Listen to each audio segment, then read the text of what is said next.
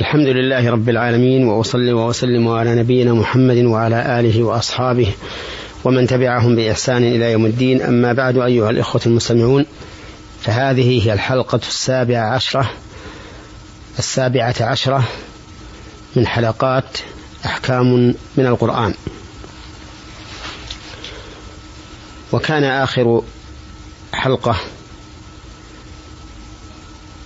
ما تكلمنا فيه على شيء من صفات المنافقين وأن من صفاتهم الخداع والمكر والكيد.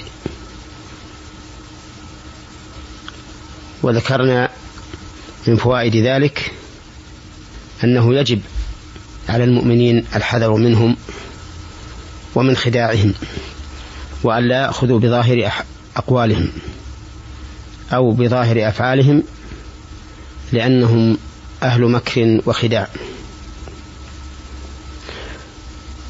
وذكرنا أن الله سبحانه وتعالى بين أن هذه المخادعة ضررها ووبالها عليهم فهم لا يخدعون إلا أنفسهم ولكنهم لا يشعرون حيث زين لهم سوء عملهم. ومن فوائد الآية أعني قوله تعالى وما يخدعون إلا أنفسهم وما يشعرون أن الإنسان قد يعمى عن الضلالة فيظن أن ما فعله حسن وهو سيء. وهؤلاء هم أخسر الناس أعمالا. كما قال الله تعالى قل هل ننبئكم بالأخسرين أعمالا الذين ضل سعيهم في الحياة الدنيا وهم يحسبون أنهم يحسنون صنعا؟ فإن قال قائل بما نزن حسن الفعل وقبحه؟ قلنا نزن ذلك بكتاب الله وسنة رسوله صلى الله عليه وسلم وما كان عليه السلف الصالح. فإن خير الكتاب كتاب الله وخير الهدي هدي محمد صلى الله عليه وسلم وشر الأمور محدثاتها. ثم قال الله عز وجل في قلوبهم مرض فزادهم الله مرضا ولهم عذاب أليم. فيستفاد من هذه الآية الكريمة أن قلوب المنافقين مرضى. والمرض هنا ليس مرضا عضويا يكون به الألم الجسدي ولكنه مرض معنوي يرفض به القلب الحق ويقبل الباطل وهذا وصف منطبق تماما على المنافقين. ومن فوائد الآية الكريمة أن القلب عليه مدار الصلاح والفساد بالنسبة للعمل لأن الله تعالى وصف المرض ووصف القلب بالمرض وهو دليل على أنه إذا مرض مرض معه الجسد وإذا صح صح معه الجسد.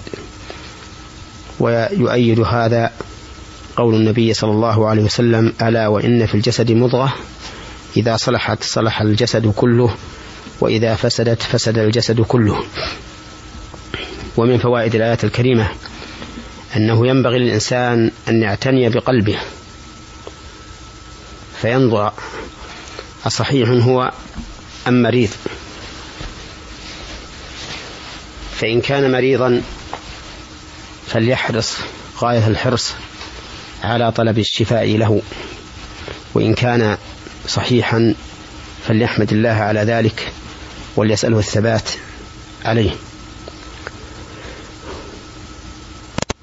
ونحن نشاهد أن الإنسان إذا مرض عضو من أعضائه مرضا جسميا ذهب إلى كل طبيب من أجل أن يحصل على شفاء من هذا المرض ولكن مرض القلب لا يهتم به كثير من الناس مع أن مرض القلب أشد خطرا وأعظم فتكا من مرض البدن.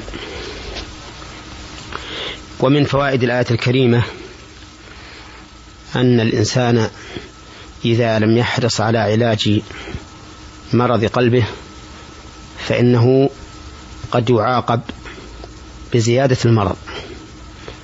لقوله في قلوبهم مرض فزادهم الله مرضا. ولا شك أن هذه العقوبة أعظم من العقوبة بفقد الولد والأهل والمال. وكثير من الناس يغفل عنها. كثير من الناس يظنون أن العقوبة إنما تكون في الأمور. الظاهرة كالأبدان والأموال والأولاد. والحقيقة أن المرض أن العقوبة بمرض القلوب وفسادها أشد وأعظم من العقوبة بمثل تلك الأمور. بل إن كثير من الناس يكون قلبه ميتا يصاب بالمصائب من الخوف والجوع وغير ذلك من المصائب المادية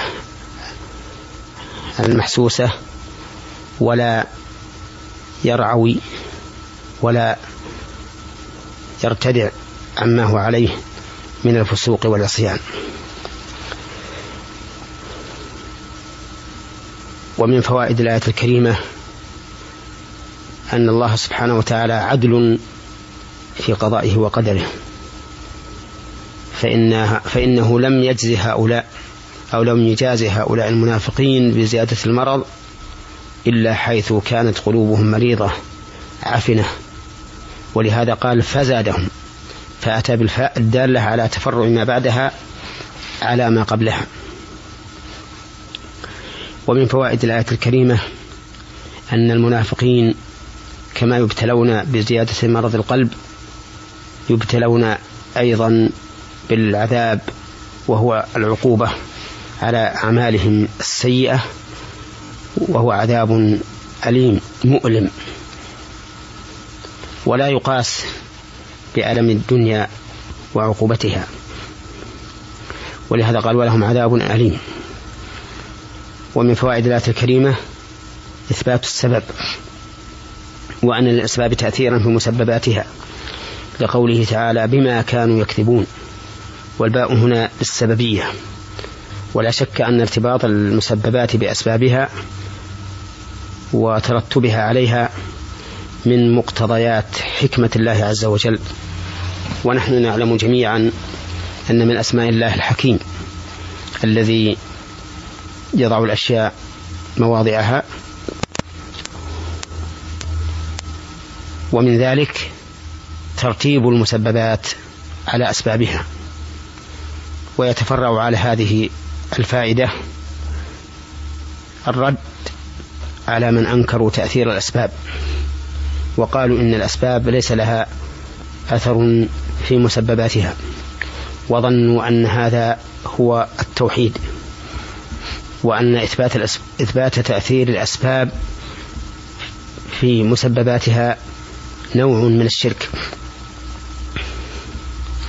ونحن نقول إن تأثير الأسباب